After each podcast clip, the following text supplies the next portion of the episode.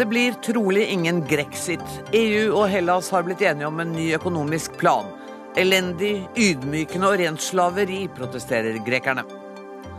Intens avslutning på forhandlingene om begrensning av Irans atomprogram. Alt tyder på at det blir en avtale med stormaktene. Handlingsplan for omsorg på dødsleie skaper debatt. Blir eldre demente erklært døende for tidlig?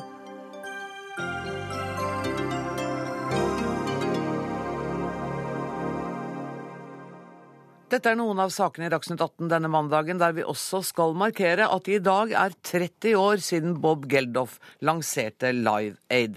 Men vi begynner igjen i Hellas. Til slutt ble de enige. Etter 17 timer med forhandlinger kom EUs president Donald Tusk ut med denne meldingen.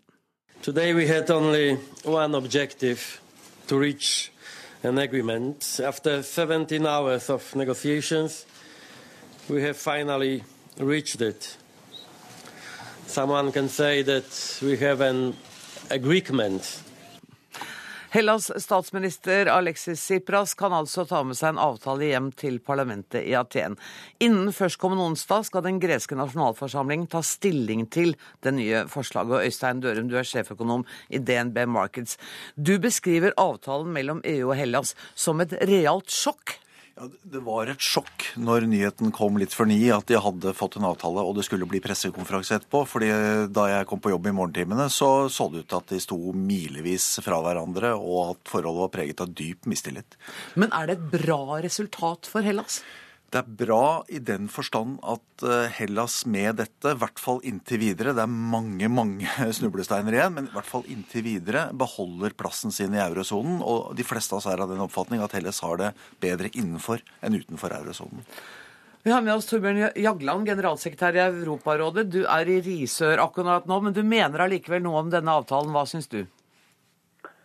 Nei, Jeg er enig i at uh, dette er eh, bedre enn uh, at det ikke ble noen uh, avtale. Fordi det muligens vil føre til at Hellas vil være i eurosonen. Og det er jo også bra for euro, euroen som helhet. fordi hvis Hellas hadde eller må forlate, så er det klart, så er ingen som har oversikt over konsekvensene av det.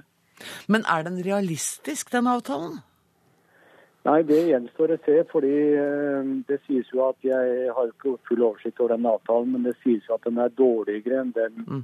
vi hadde, og som uh, statsministeren utlyste folkeavstemning på, og sa at han ville tirsdagen etter folkeavstemningen få en bedre avtale enn det som da forelå.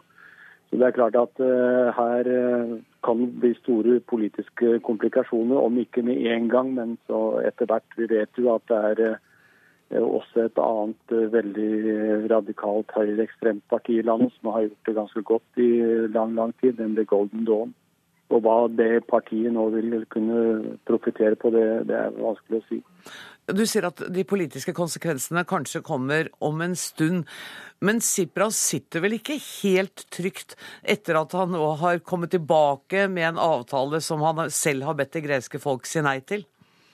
Antageligvis ikke. Eh, vi i Europarådet mente jo at selve folkeavstemningen ikke eh, holdt i standarden som vi har satt. Eh, den ble utlyst altfor tidlig, og, og spørsmålsstilling var veldig uklar.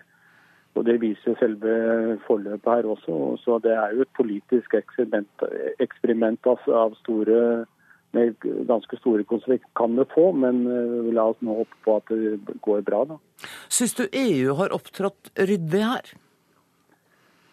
Nei, det viser jo, dette viser jo det store, den store svakheten med uh, eurosamarbeidet. Det er jo mange land med forskjellige økonomier som skal forsøke å dra sammen. Og man har uh, holdt dette gående i så lang tid nå at både både eurosamarbeidet og uh, gresk økonomi er blitt uh, skadelidende. Jeg tror den store feilen var vel da man uh, hadde den første redningspakken som stort sett gikk ned til å redde tyske og franske banker, og så skrev man ut veldig sterke tiltak i gresk økonomi som da bare førte til at arbeidsledigheten økte, og dermed underskuddene.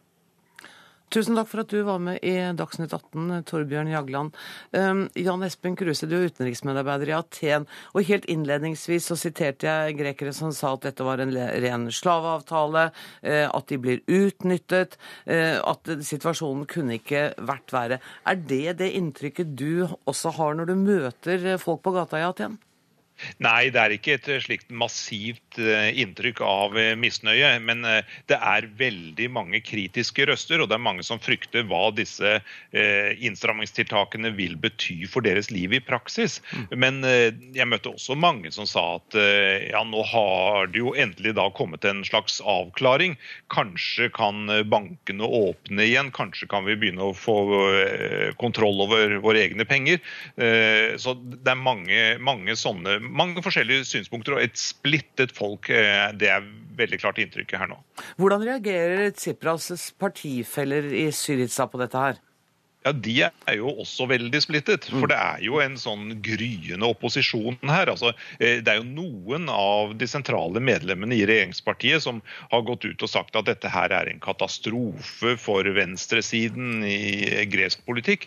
Eh, og at eh, de ikke kan godta denne avtalen. Det er jo snakk om, 17, om, om lag 17 parlamentsmedlemmer som har gått mot sitt eget parti og sin egen regjering. Og det kommer til å bli et kraft kraftig oppgjør når Tsipras kommer tilbake nå. Eh, det blir snakk om å, å ekskludere dem, få dem ut av partiet, ut av de, de postene de sitter på nå. Eh, Torbjørn Jagland nevnte dette høyrepartiet Golden Dawn. Er det, er det mulig at de nå kan se sin mulighet til å få økt innflytelse?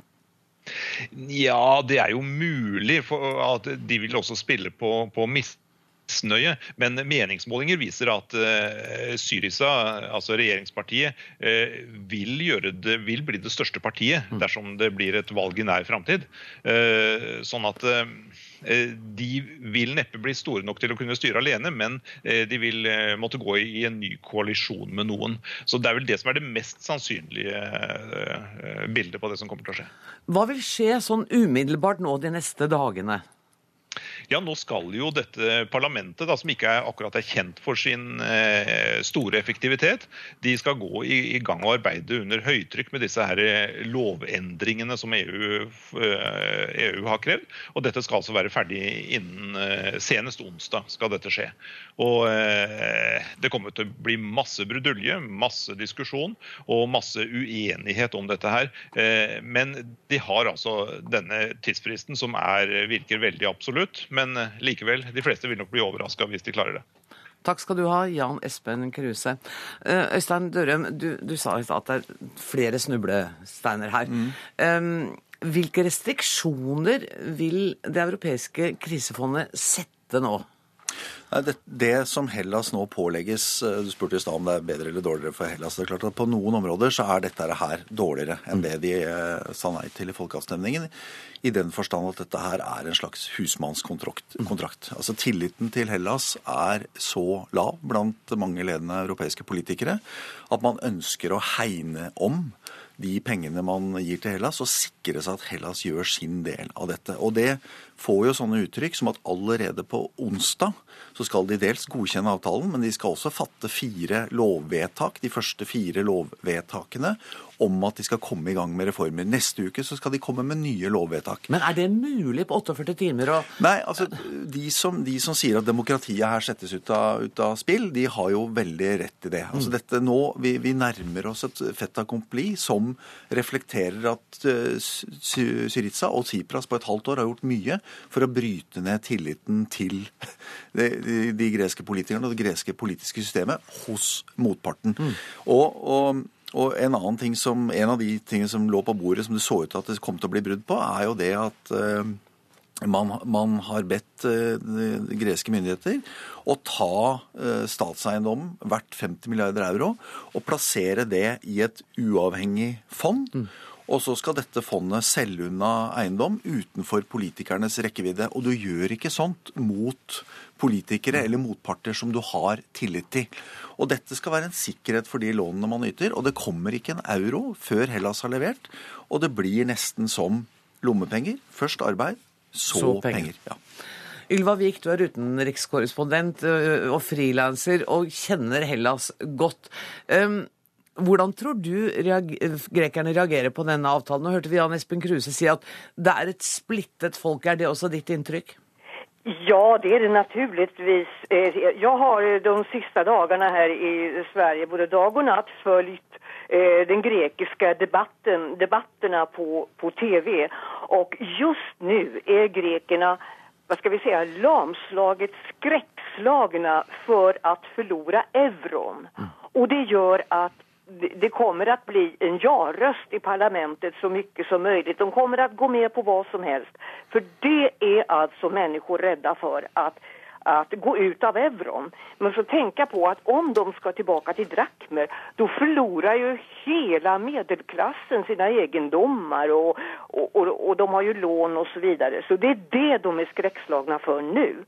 Men det som kommer i, eh, det som ska komma i parlamentet det är ju sådana genomgripande lovändringar som de aldrig har gjort förut. Mm. Vi måste komma ihåg att, att statsapparaten i Hellas är genomkorrumperad. De kan aldrig, eh, man måste säga att eh, även om det för vanliga greker att gå ut av euron, det vore att gå rakt ner i helvetet direkt. Nu har de chans att gå till helvetet lite långsammare. Mm kan man säga.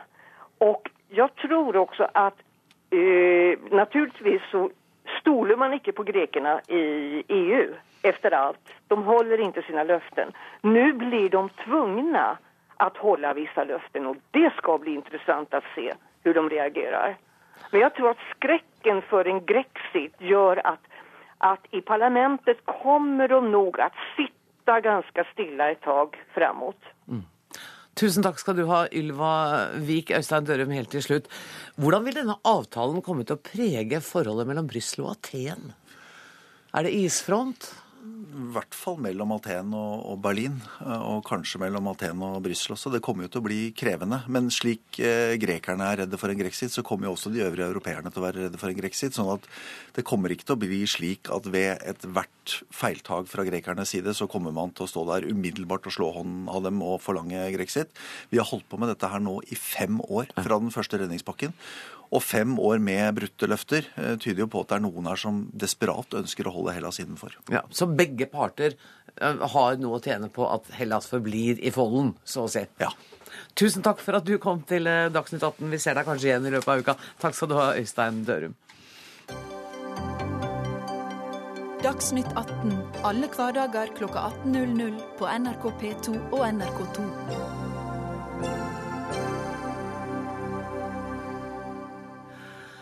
Innen midnatt må forhandlingene om en atomavtale mellom Iran og stormaktene være fullført. Fristen for en endelig avtale ble passert 30.6, men den er utsatt to ganger. Iran har siden 2006 vært underlagt restriksjoner av FNs sikkerhetsråd pga. landets atomprogram.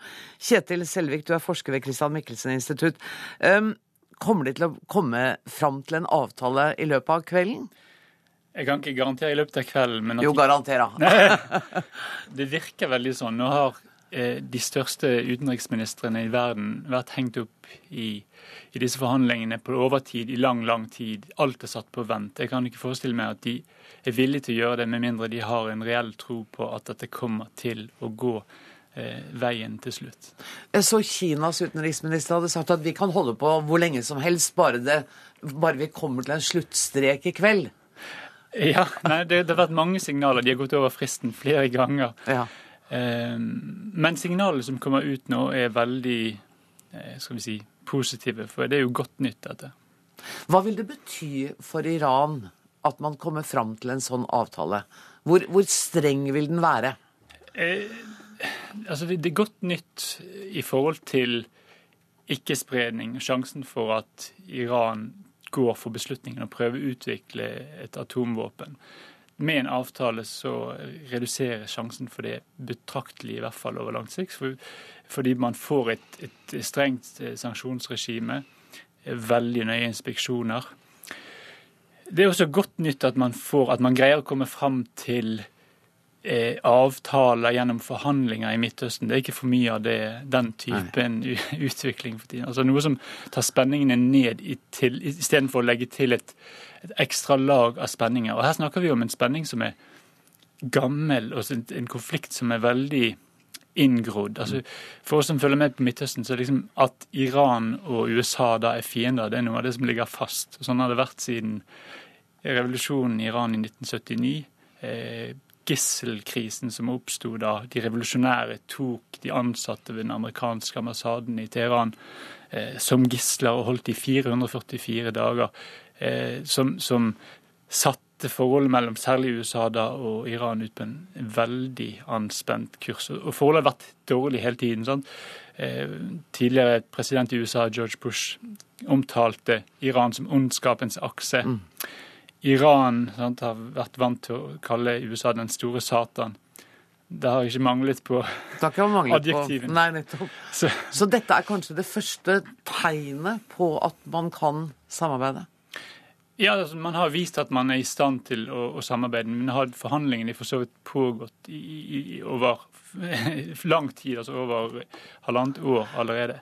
Slik at ehm, det er en, en seier for diplomatiet hvis man får det til, og det er godt nytt for, for forholdet mellom Iran og Vesten.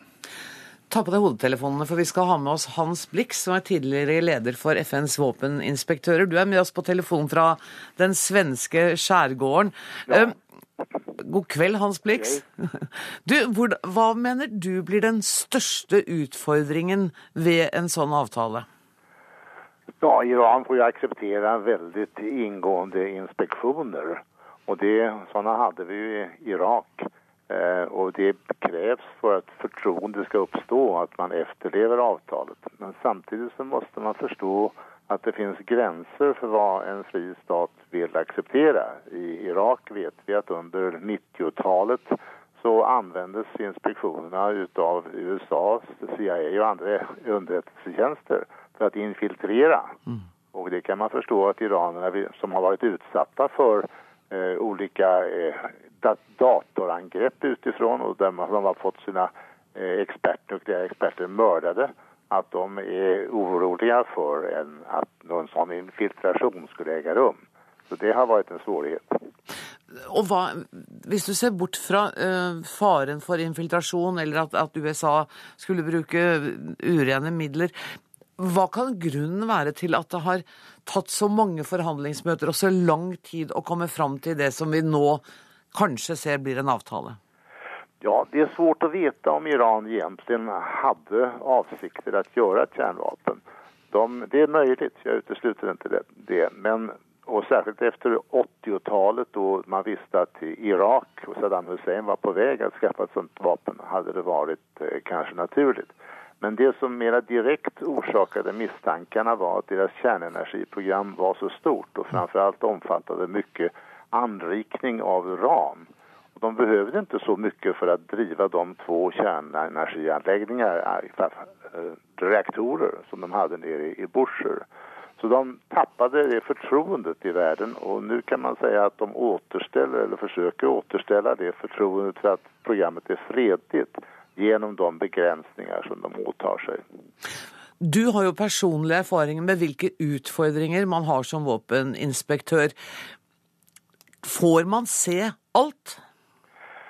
Ja, det är ju så att konventionella militära säkerhetshemligheter, eh, de eh, får man inte se i ett land som Iran, inte heller i ett land som Japan eller några andra länder, utan bara ett land som Irak som ju var, var krossat i krig. Då kan man göra vad som helst, men i andra fall går det inte. Och man har metoder också genom vilket man kan dölja eh, hemligheter som inte avser det nukleära eh, för, att, för att skydda sig.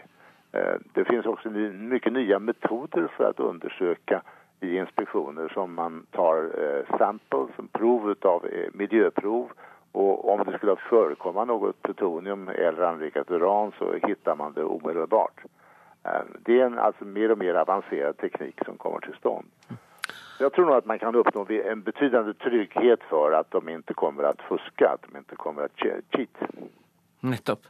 Tusen takk skal du ha, Hans Blix. Gå tilbake og nyt den svenske skjærgården. Kristin Solberg, korrespondent i Midtøsten, du er med oss fra Istanbul. Um, hvordan går det med forhandlingene i Wien, vet du noe der? Ja, der holder man jo kortene tett til brystet, mm. og de er jo på 17 dagen, altså langt over tiden og lengre enn de fleste hadde forutsett. De har jo brutt tre offisielle og én uoffisiell, men svært viktig deadline de siste to ukene. Nå vil jo de neste timene vise om man bryter enda en deadline, eller om man klarer seg innen denne fjerde fristen. Og det har jo vært positive signaler i dag, sånn som vi var inne på litt tidligere. Eh, like før helgen så vi at tonen fra Wien eh, ble litt mer frustrert. Det var en tendens fra partene til å klandre hverandre. Det var trusler om å avslutte samtale, samtalene. Men i går og i dag så har uttalelsene fra Wien vært mer håpefulle. Man har snakket om en avtale i løpet av dagen, at man er svært nærme nå. Eh, og det har også vært gode signaler fra Teheran. Der skal Rouhani, altså president Rouhani tale til folket på TV i kveld, og det igjen ga håp om at en enighet var blitt nådd. De siste timene så har det igjen kommet rapporter fra Wien om diplomater som sier at de nok likevel ikke rekker å bli ferdig til midnatt, og at det kan trekke ut i morgendagen. Så vi får bare vente og se utover, utover kvelden hva det blir til. Du kom tilbake fra Teheran i går. Um, hva vil det bety for iranerne å få til denne avtalen? Ja, Det vil bety svært mye for svært mange. Og det er mange som venter og håper på en slik avtale i Iran nå. Meningsmålinger tyder på at flertallet av iranere ønsker en slik avtale. Og sanksjonene de har rammet landet og iranerne svært, svært hardt. Eh, det er det de aller fleste jeg har snakket med i Teheran eh, nevner når de nevner avtale. Det er at de håper at sanksjonene skal bli lettet. Eh, spesielt dem som hadde lite å rutte med fra før, har fått det veldig vanskelig. Inflasjonen er høy, kjøpekraften er betydelig redusert. Eh, og så har sanksjonene også hatt andre veldig alvorlige konsekvenser. For selv om de ikke direkte har rammet medisinindustrien, så har de rammet den indirekte eh, ved at enkelte importerte medisiner har blitt vanskelig å få tak i på apotekene. Det gjelder f.eks. medisiner for kreft eller multiple sklerose eller andre sjeldne og alvorlige sykdommer. og Det er en svært, svært alvorlig konsekvens som også går utover utover det økonomiske. Um, og I tillegg så er det mange i Teheran som sier at de ønsker denne avtalen fordi de virkelig håper på et bedre forhold til verden. Altså De er lei av den internasjonale isolasjonen som Iran har befunnet seg i i flere tiår. Og de håper at en avtale skal være et skritt på veien ut av den. Takk skal du ha, Kristin Solberg. Kjetil Selvik, eh, hva, hva vil denne avtalen kunne få å si innenrikspolitisk? Først og fremst er det en seier for eh, presidenten i Iran, eh, Hassan Rouhani, som har gått til valg på dette, mer eller mindre. En avspenning i forhold til Vesten, som har gått til valg på, på moderasjon, politisk moderasjon både internasjonalt og nasjonalt, og som, og som har, eh, representerer en sånn pragmatisk sent sentrumsorientert fløy i iransk politikk, som ser fram nå mot eh, parlamentsvalget til neste år, 2016, som, som, trenger nå noe å vise til mm. de som, som valgte han. Eh, og, og, at eh, jeg kan levere. For han, han, lovet på en måte to ting. Han lovet på den ene siden at det skulle bli avspenning med Vesten. Så lovet han også en form for avspenning internt, eh, mer la oss si, frihet, eh, hvis vi kan kalle det litt mer avslappede forhold internt. Og der har det jo ikke skjedd noe. Tvert imot. Mm. Utviklingen er jo veldig eh, egentlig negativ internt. Så, så, han må levere i hvert fall på én av områdene. På ett av to områder bør han levere. I hvert fall, og helst på begge. og en optimistisk løsning er da at en avspenning med Vesten gjør det lettere å få til noe internt. Men der er meningen delte. Aud Lise Norheim, du er Norges ambassadør til eh, Iran. Hvordan har de snart ti år gamle sanksjonene preget det iranske folkets dagligliv? Ja, hvis vi ser livet og ser hva folk har i butikkene, så har det ikke preget det noe særlig. Men det har vært det store utslippet. Økonomien har gått dårlig pga. at arbeidsløshet har økt voldsomt og fortsetter å øke. Og den øker jo særlig da, og er særlig stor blant, eh, blant ungdom. Sånn at den yngre Iran, som jo er Den har penger eh, og Vet du hva, Lise Nordheim, vi hører ca. 30% av det du sier, fordi vi har fått en dårlig linje. Eh, vi kan kanskje gjøre et forsøk på å ringe deg opp igjen, men i mellomtiden så vil jeg fortsette å snakke med Kjetil eh, Selvik. Vi hører altså her ambassadøren si, så vidt jeg har oppfattet, at som i det daglige har det kanskje ikke vært for ille, men at man nå har forventninger til en sånn avtale likevel. Ja, altså, handelsblokaden mot Iran har vært veldig omfattende. Hele banksystemet til Iran har vært koblet av det internasjonale systemet. Det har vært stor eh, nedgang i hvor mye olje Iran har kunnet eksportere. Dette i tillegg til fallende oljepriser i en veldig oljeavhengig mm. økonomi. For et land som er dypt involvert i, i konflikter i Syria og Irak, har mange baller i luften, for å si det sånn. De trenger å få landet denne ballen for å kunne konsentrere seg om andre ting. Og kanskje for å kunne normalisere forholdet til hele verden, på en måte, som vi hørte i stad? Jeg tror det Vi skal tone ned optimismen litt i forhold til det. Altså, okay. Dette løser ikke problemene i Midtøsten. Problemene i Midtøsten ligger fast og er i utgangspunktet upåvirket av dette. Fiendskap til Saudi-Arabia, de, de mer sånn sekteriske borgerkrigstrendene som Iran har har, for så vidt blitt, blitt, en del av i Syria og Irak, og nå også i Jemen. Tvert imot kan man si at hele samtalen, eh, det at USA har gått inn i, liksom, gått i Iran i møte, kan ha bidratt til at Saudi-Arabia har, har, spilt høyere og hardere i, Jemen, f.eks. i den eh, militærkampanjen de driver med der. sånn at det er ikke umiddelbar gevinst, men det åpner jo et rom for diplomati som i beste fall kan benyttes også andre steder. Da prøver vi å høre om vi har kontakt med ambassadør Aud Lise Nordheim igjen. Er du med oss nå? Ja, jeg er med dere. Ja, Takk skal du ha. Det var bra du hadde tid til å vente. Eh, nå snakker vi om at forholdene i Midtøsten kanskje ikke kommer til å bli vesentlig bedret av en sånn avtale, men folks dagligliv kan kanskje bli det? Eller Iranerne har jo tro på det. Derfor så har de til den avtalen som jeg sa, som de nå regner i kveld eller i natt. Det vil kunne øke Eh, åpningen økonomisk mot å få økonomiske investeringer, de vil kunne få nær, eh, eh, næringslivssamarbeid. Vet du hva, ambassadør, jeg beklager så mye, men telefonlinjen var ikke noe bedre denne gang. Vi må prøve en annen dag. Tusen takk for at du var med, forsøkte å være med i Dagsnytt 18. Og så skal jeg også si takk til Kjetil Selvik.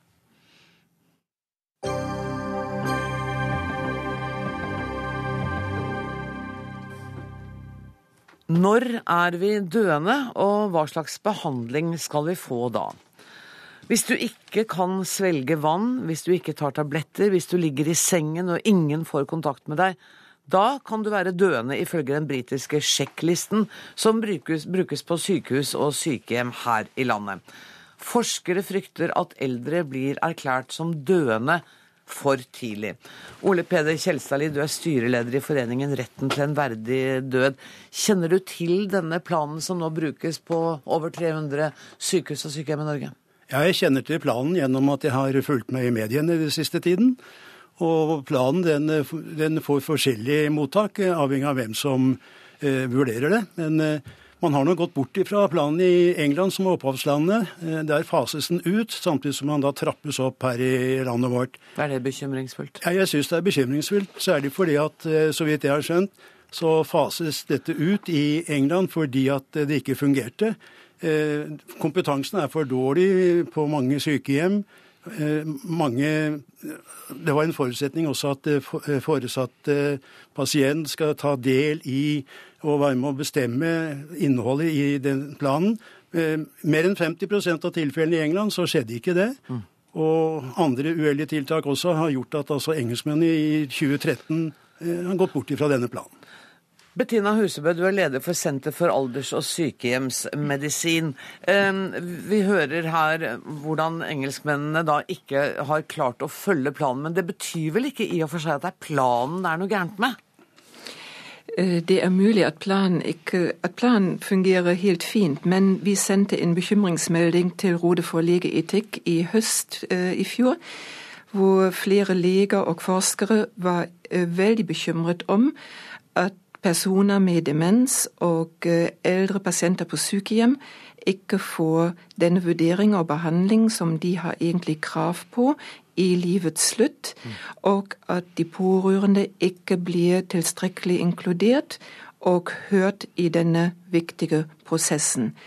Istedenfor bruker man da altså LCP, og vi må eh, ta utgangspunkt i at nesten halvparten av den norske døende befolkningen, altså 18 000 personer, dør hvert år på et sykehjem i Norge.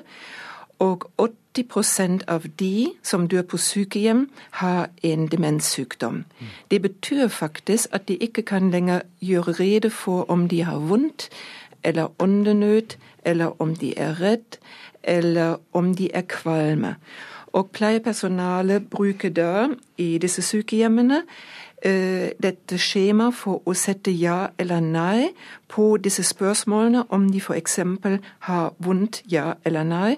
Og alle som arbeider egentlig med slike pasienter, eller forsker på disse spørsmålene, vet at det ikke fins ja eller nei for det.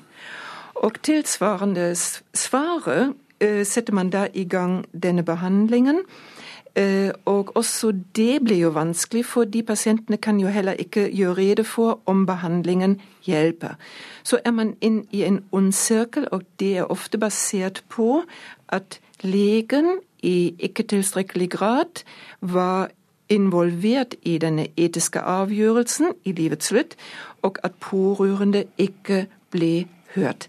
Altså Bare tenk på en situasjon. En pasient har f.eks. en lungebetennelse, blir mer sengeliggende, svak, og det skjer i løpet av en tirsdag-onsdag. Og legen på sykehjem har neste besøksdag tirsdagen uken etterpå. Så ringes det eventuelt til legen, som ikke har tid til å komme, eller man ringer til legevakten, som heller ikke kjenner pasienten. Og så iverksetter man eventuelt en slik behandling fordi ja, pasienten er i en slik tilstand og har vært dement over lang tid og er skrøpelig. Og selvfølgelig, når legen da kommer neste tirsdag på besøk, da er pasienten du kan si død, eller i alle fall så svak at uh, løpet er kjørt. Mm. Og det er noe vi er veldig bekymret om at man erstatter mangel av lege, mangel av kompetanse, med et slikt um, avkrysssystem i livets slutt. Mm.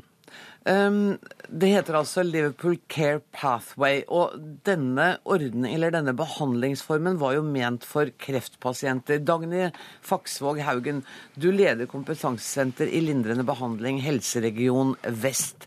Um, er det et problem at denne behandlingsformen nå brukes på alle døende? Nei, vi mener jo ikke det. For når du er kommet til den døende fasen, så spiller det mindre rolle hvilken sykdom du har, hvilken diagnose. Mm. Det er stort sett en del felles ting når livsprosessene opphører og pasienten er i ferd med å dø. Da er det mye mer likt mellom pasientene. Men, men det som Bettina Husebø sa da, med en som hadde lungebetennelse, som kanskje kunne vært reddet, men ikke var i stand til å snakke for seg? Ja, da må jeg si det at hvis man skal ta denne planen i bruk, så er det to kriterier som må være oppfylt. Og det ene er at man må være sikker på at pasienten er døende. Det vil si at teamet rundt, minst lege og sykepleier, skal ha vurdert at det ikke er mulig å behandle noen tilstand som gjør at dette kan snu. Så man skal altså ha forsøkt og vurdert og være sikker på at dette ikke er noe som er reversibelt. Og det andre er at man skal være enig om at pasienten faktisk har nådd den døende fasen. Og da skal også de pårørende være informert og være enig i dette. Men nå forteller du hvordan det skal være, men er du 100 mhm. sikker på at det fungerer sånn i dagliglivet? Det kan man jo ikke være. Men hvis en pasient feilaktig blir bedømt som døende, så kan man ikke legge skylden på LCP. Da er det dårlige beslutningsprosesser i forkant. Bettina Husebø, hører du det? Ja, selvfølgelig. Um, Ja, det sies jo at eh, pasientene dør, altså kreftpasienter og demente dør på samme måte. Men da ville jeg ha sagt ja takk. Eh, da ønsker man også de samme ressursene som f.eks. døende kreftpasienter på sykehus. Eh, at man får de samme ressursene også på sykehjem. Fordi når man har tilstrekkelig nok med leger og pleiepersonale hele døgnet rundt, da kan man gjerne bruke LCP ved siden av. Men situasjonen er helt annerledes på sykehjem, og de fastlegene som ofte er tilknyttet et sykehjem, er da i maksimalt 20 eventuelt en formiddag i uken. Og instrumentet er faktisk ikke utviklet og testet hos døende personer med demens. Og det er kompliserte prosesser. Mm. Her setter man altså et kryss på noe som pleiepersonalet ofte nok ikke kan bedømme i tilstrekkelig grad. Mm. F.eks. når noen reagerer med angst og agitasjon, er det da demens, mm. eller er det da smerte?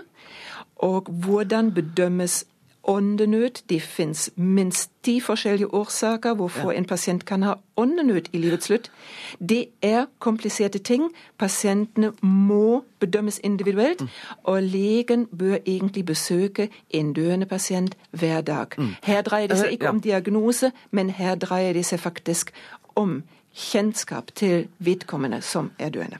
Verken Helsedirektorat eller departementet hadde anledning til å være med, men statssekretær Lisbeth Nordmann sier til Morgenbladet at all palliativ behandling, behandling av døende mennesker, nå skal evalueres, og det er satt av 10 millioner kroner til det arbeidet. Ole Peder Kjelstadli, er du glad for den meldingen fra Helsedepartementet? Altså jeg må jo si jeg er glad for at departementet vil evaluere dette her, men når departementet nå også da vil evaluere dette, så tyder vel også på at departementet sitter på kunnskaper om at eh, det ikke fungerer godt nok i mm. Norge.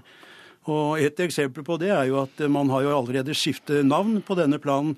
I stedet for LCP, altså Liverpool Care Pathway, som ingen skjønner hva betyr, så skal man i hvert fall nå kalle, kalle denne planen for livets siste dager. Plan for lindring i livets sluttfase. Mm. Og det er jo noe. Det er i hvert fall en slags bedring. Vi må se hva, hvordan eh, departementet hva de gjør med dette, og så får vi komme tilbake og snakke om dette ved en senere anledning. Akkurat nå må jeg si takk for fremmøtet til Bettina Husbø, Dagny Faksvåg Haugen og Ole Peder Kjelstadli.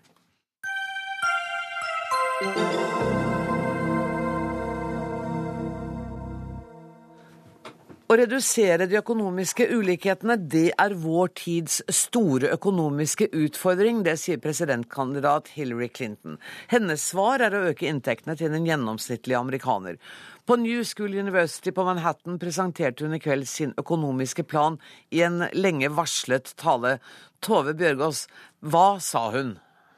Hun sa at forskjellene mellom fattig og rik i dette landet er blitt altfor store og blir bare større og større. Så hun ønsker å fordele inntekt fra de rike til de fattige ved f.eks. at de ansatte i et selskap også skal få litt av det selskapet tjener, kanskje litt mer.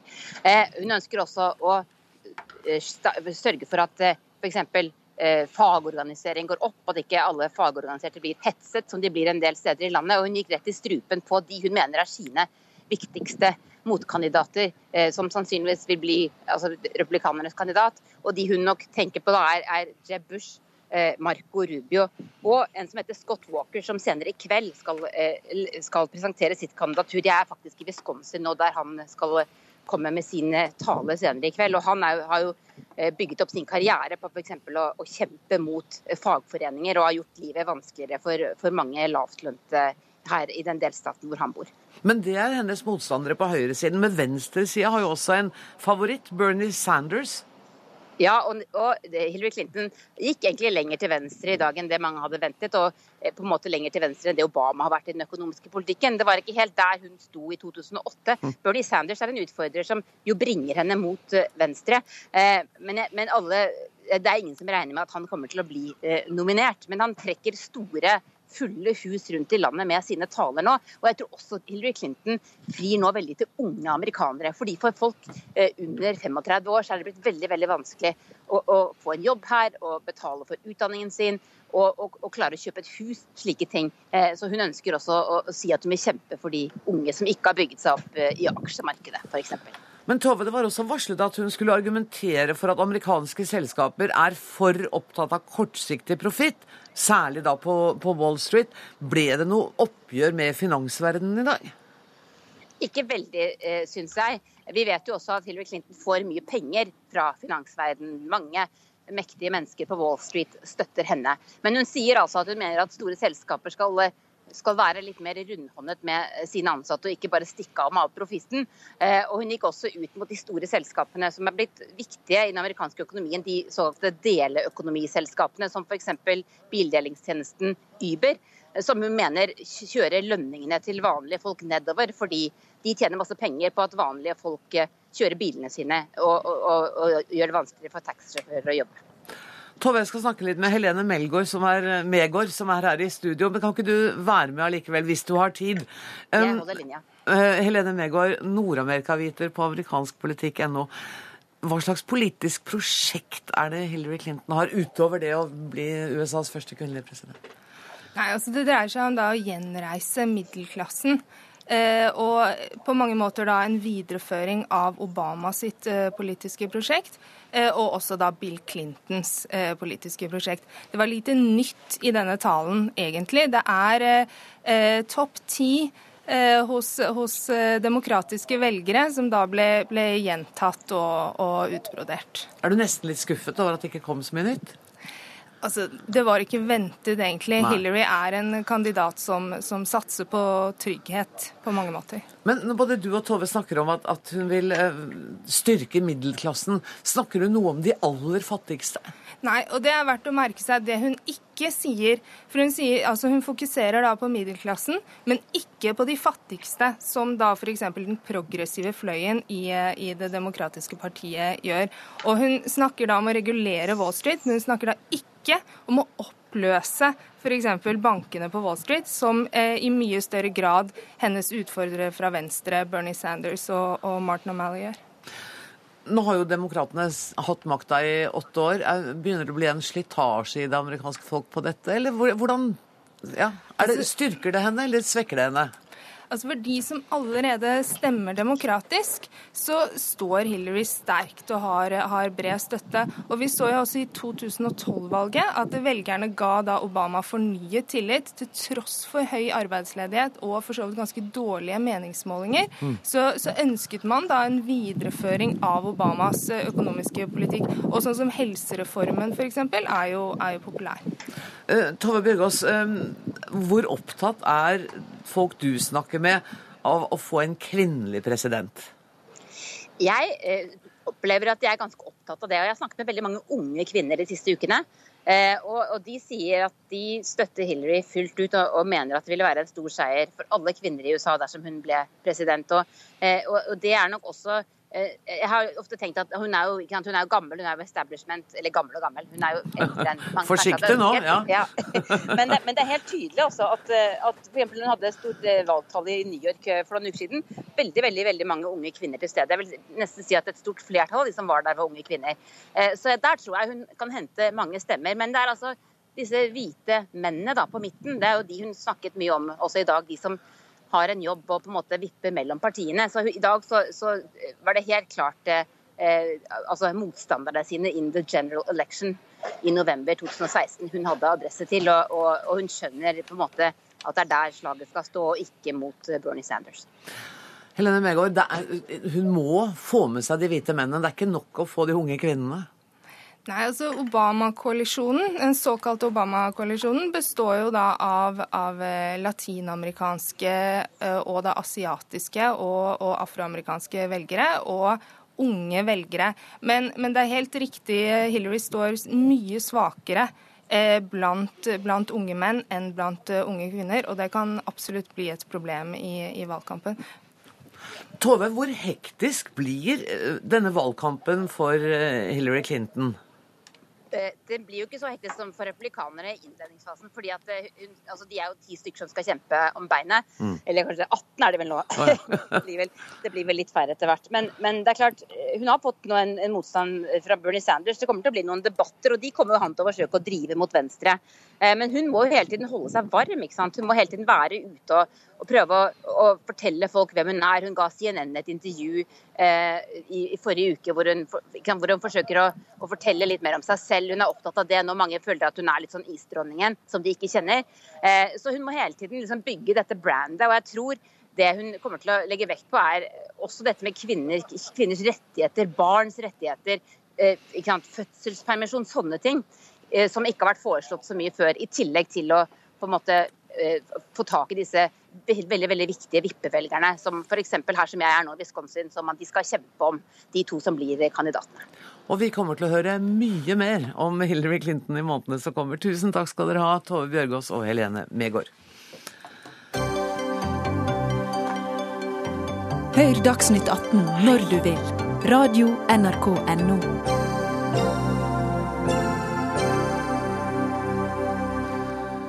Norsk Kennelklubb oppfordrer hundeeiere og utstillere til å boikotte en stor hundeutstilling i Kina. Den internasjonale kennelklubborganisasjonen har lagt festivalen World Dog Show til Kina. Og det liker ikke du, administrerende direktør i Norsk Kennelklubb Trine Hage. Hvorfor vil dere boikotte? Det er det kraftigste signalet vi som hundeeiernes organisasjon kan, eh, kan, sende i forhold til et så, så stort eh, arrangement. Ehm, det er total mangel på respekt for det levende liv.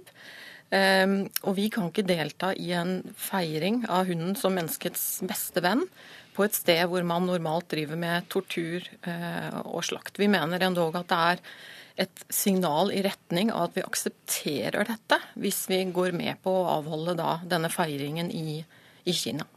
Du viser bl.a. i argumentasjonen din til uh, matfestivalen i Julin. Eh, hvor du mener at hunder ble torturert. Ja, og det er jo ikke noe enkeltstående årlig affære, dette her. Dette er noe som skjer i, skjer i hverdagen. Uh, og det er, det er, rett og slett helt uh, uakseptabelt. Og det kunne jo vært fristende for oss å tenke at la oss reise til Kina. Mm. La oss vise hvordan vi mener hunder skal uh, behandles. Men hvis vi titter til arbeidet med menneskerettigheter, tidligere OL i Kina, så har det altså ikke fungert etter den intensjonen. Dessverre. Eh, det var én god ting som skjedde i forbindelse med OL i Kina i 2008. og Det var at man, myndighetene midlertidig forbød denne behandlingen og slaktingen av hunder. Det var jo da tydeligvis fordi myndighetene ikke ville at millioner av mennesker verden over skulle se denne behandlingen av hunder. Men også i Kina har de jo kennelklubber, og jeg kjenner jo kinesere som mm. har hunder som kjæledyr, og som mm. behandler dem helt ekstremt bra. Ja. Det er ikke sånn at det er et bitte lite problem som dere gjør nå, veldig stort? Undersøkelsene våre tyder dessverre ikke på at det er et bitte lite problem. Eh, og det er mulig at den kinesiske kennelklubben gjør en god jobb eh, med å jobbe med dette her. Det eh, vet vi dessverre ikke. Og det er helt sikkert mange hunder som har det veldig bra i Kina, men det er for mange som lider. Vi har ennå ikke fått svar på våre henvendelser til verken, eller som vi har sendt da, både til FCI og til den kinesiske kennelklubben, i forhold til hva de gjør. Det eneste vi klarer å finne ut at de har gjort, det er å sende en fordømmelse av vår reaksjon i brevsform den 3. juli. Vi skal snakke med Jørgen Hinse, dansk styremedlem i Det internasjonale hundeforbundet. Du har kritisert Norsk Kennelforening for denne holdningen, og du syns de er dobbeltmoralske. Hvordan da? Ja, hej. Det synes jeg de er, fordi øh, det her er øh, et forsøk på at straffe en organisation i Kina som gjør store indsatser for å forbedre hundenes vilkår i landet. Øh, her, her vil man gjøre en privat klub ansvarlig for landets politikk. Jeg vet ikke om Norsk Kennelklub ønsker å stå på mål for alt hva den norske regering og det norske Stortinget gjør. Jeg tviler på det. Men uh, her er det en klubb som i en demokratisk avstemning har vunnet retten til å arrangere utstillingen. Og de gjør en kjempe innsats sammen med dyrevernsorganisasjonene for å gjøre oppmerksom på de grusomme forhold. Det er jo ikke et eneste menneske i hele FCI den organisasjon som Norsk Kennelklubb også er medlem av. Det er jo ikke et eneste menneske som ikke er fullstendig enige med Norsk Kennelklubb i at hunder skal behandles bra, og at den Julinfestival er helt uakseptabel. Det har FCI protestert imot. Det har den asiatiske FCI-seksjonen protesteret imod, og det har den kinesiske kennelklubb protesteret imod. Så når jeg kritiserer Norsk Kennelklubb for det her, så gør jeg det på vegne av FCI og ikke på vegne av Dansk Kennelklubb. Fordi jeg sier det er som at slå inn en åpen dør. Det er jo ingen, som ikke er enig med FCI i det her, eller med NKK i det her. Så du syns de overreagerer? Burde det komme en reaksjon mot Norsk Kennelklubb? Det er en helt anden sag. Den, den, den disput, der er i øjeblikket mellem FCI og Norsk Kennelklub, den har ingenting med dyrevelfærd at gøre. For der er ingen, som er uenige med Norsk Kennelklub i holdningen omkring dyrevelfærd. Det, som disputen går på, det er, at Norsk Kennelklub har opfordret til at boykotte mm. en, en lovlig vedtaget general eller lovlig vedtaget verdensudstilling. Kina vandt jo med kæmpe majoritet retten til at arrangere udstillingen.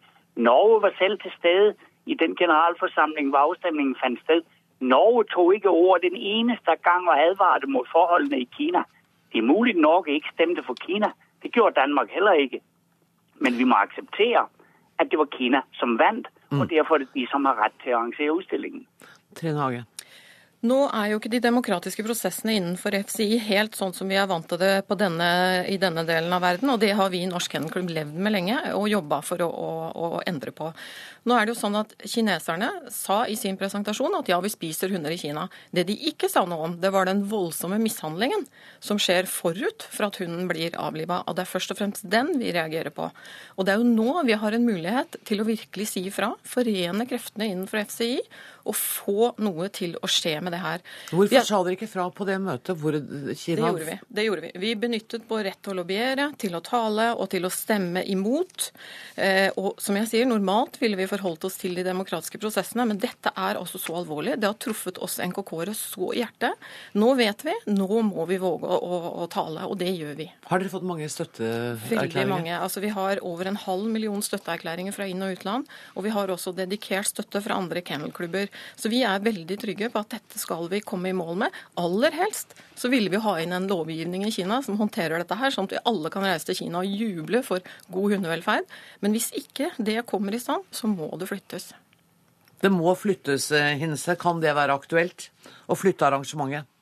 Jeg kan ikke forestille meg det kan bli aktuelt, for de eneste som kan flytte arrangementet, det er de som besluttet arrangementet, nemlig FCIs generalforsamling. Og den møtes igjen først om to år. Så jeg tviler på at det er mulig. Det er fullt mulig å avholde en ekstraordinær generalforsamling dersom en fjerdedel av medlemmene krever det, Jørgen. Jamen, Trine, så syns jeg du skulle forsøke å få innkalt til en ja. sånn ekstraordinær generalforsamling. Du må ikke bli overrasket om vi gjør det, Jørgen. Det er din demokratiske rett som medlem av organisasjonen. Mm. Mm. Så vi er i gang. Det er i gang. Mm. Da venter, okay. vi, venter, vi, spenning på utfallet. Akkurat nå må jeg si tusen takk for at Trine Hage og Jørgen Hinse var med i denne utgaven av Dagsnytt 18.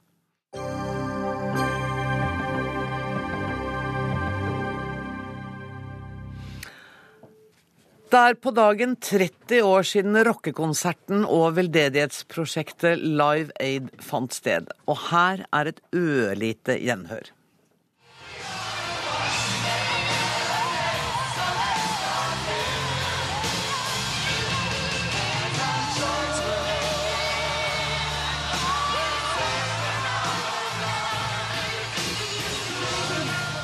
Get your money out now and phone up and give us the money. You've got plenty of it, or to get it to people who are dying of starvation. We want to get a million pounds out of this country on the telephone before 10 o'clock tonight.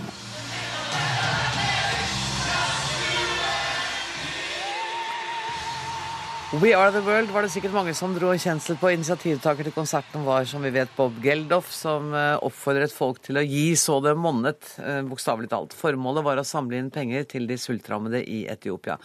Reidar Spigseth, kulturjournalist i Dagsavisen. Husker du denne dagen? Ja, jeg husker Jeg Husker i hvert fall bruddstykker. Du var 17 år? 17 år. Uh, Popfans hadde holdt.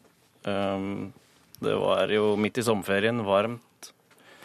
Det var jo ikke innevær, men vi satt inne likevel, broren min og jeg. Ehm, og vi satt der eh, så lenge det var en artist vi likte, og til eh, det var slutt.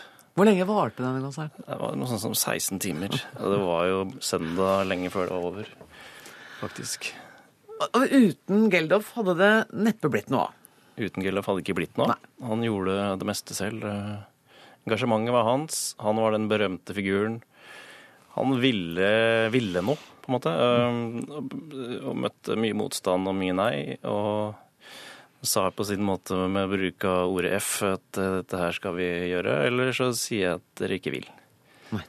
Og ja, det var vel ingen som uh, ikke ville være med å hjelpe de nød... Ja, de som var i sultkatastrofen i Etiopia. Og det var en helt uhyggelig mengde mennesker samla. Altså, det var på Wembley i London, JFK Stadion i Philadelphia. Jeg har jo bare sett bilder derfra, men det var jo helt overveldende. Ja, og på forhånd så var det jo ingen som visste om det kom til å gå bra. Uh, artistene var forsiktige med å si ja, fordi ingen ville være med på en uh, fiasko. Nei. Ingen politikere stilte opp til noe som helst. Um, de ble spurt. Um, og um, eh, altså det Det var ikke vanlig at én person eh, satte i gang noe sånt som dette her. Så eh, Og han brukte alle triksene i boka for å få det til. ja, det, det er skrevet bøker om dette i ettertid, Ja. og, og han lurte den ene artisten med å si at den andre hadde stilt opp. Og, Ja. og han tvang BBC til å stille opp gratis. Og, altså det var, eh, han brukte de triksa i boka han kunne. Hvilken betydning syns du at Live Aid, Live Aid har fått i ettertid? Eh, nei, altså det er jo gått mange år her, nå. 30. Nøyaktig 30. Det har jo ikke vært noen store markeringer i dag, egentlig, om eh, Live Aid og, og sånn, eh, tilbakeblikk. Men eh, det lærte jo eh, musikere at de kunne være med og stille opp med den de var, og det de kunne, for en god sak. Og det ble jo en, en bølge av sånne veldedighetsting, men også eh, artister mot apartheid og Free Nelson Mandela-konsert eh, samme ti år. Det har vært flere sånne. ja. Elida Høeg, du er redaktør av nettmagasinet Verdensmagasinet X. Um, hva syns du er feil med denne typen veldedighet? Eh, Det jeg syns er feil, er hvis man begynner med plakaten. da. For eksempel så har du da en gitar formet som det afrikanske kontinent, og så er det et lite spett afrikansk barn som står utsulta med ryggen til. Eh, og jeg syns det er bra at musikere engasjerer seg for en bedre verden, men jeg synes, tror sånne bilder som det her kan være farlige da, for hvordan vi ser på et helt kontinent. Og en sånn plakat bare som dette, hvor på en måte europeiske og, og krefter fra USA skal redde Afrika, er en sånn eh, forenkling som, eh, som forsterker stereotypier, og som, eh, som gjør det vanskelig å på en måte skape internasjonal forståelse. Men da må vi huske at det er 30 år siden. Det ville vel ikke ha skjedd sånn i dag?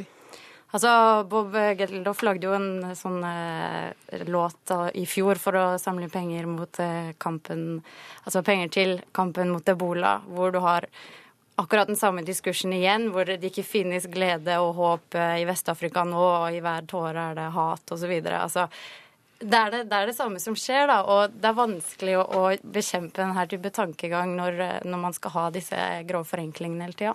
Hvordan skulle man gjort det? Jeg tror det handler om at eh, for å, eh, for å skape en sånn forståelse, så må man prøve å forstå hvorfor det skjer, ikke bare at det skjer.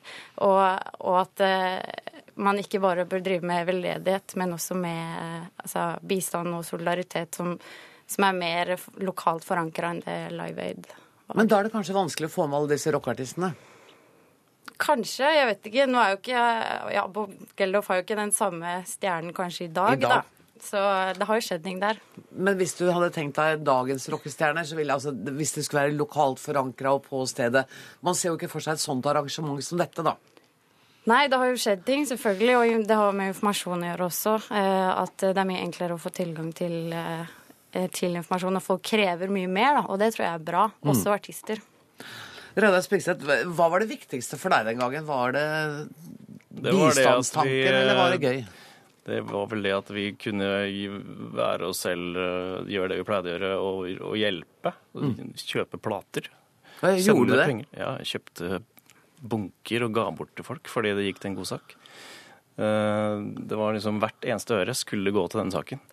Når du snakker om at eh, veldedighet ikke skaper forståelse, så er det helt feil. Fordi det skapte forståelse for et helt annet kontinent enn det eh, vi bodde i. En helt annen verden enn den vi kjente til. Mm. Eh, informasjon vi ikke fikk på skolen. altså Alt dette kom i kjølvannet av, av Live Aid. Mm. Kanskje kom det noe bra ut av det, og kanskje er det bra at uh, tida er litt annerledes. Jeg må si tusen takk for at uh, dere kom, Reidar Spigseth og Elida Høeg. Dagsnytt 18 er slutt. Ansvarlig for denne sendinga var Ingebjørg uh, Saue. Teknisk ansvaret hadde Erik Sandbråten. Jeg heter Anne Grosvold og ønsker dere alle en riktig god kveld.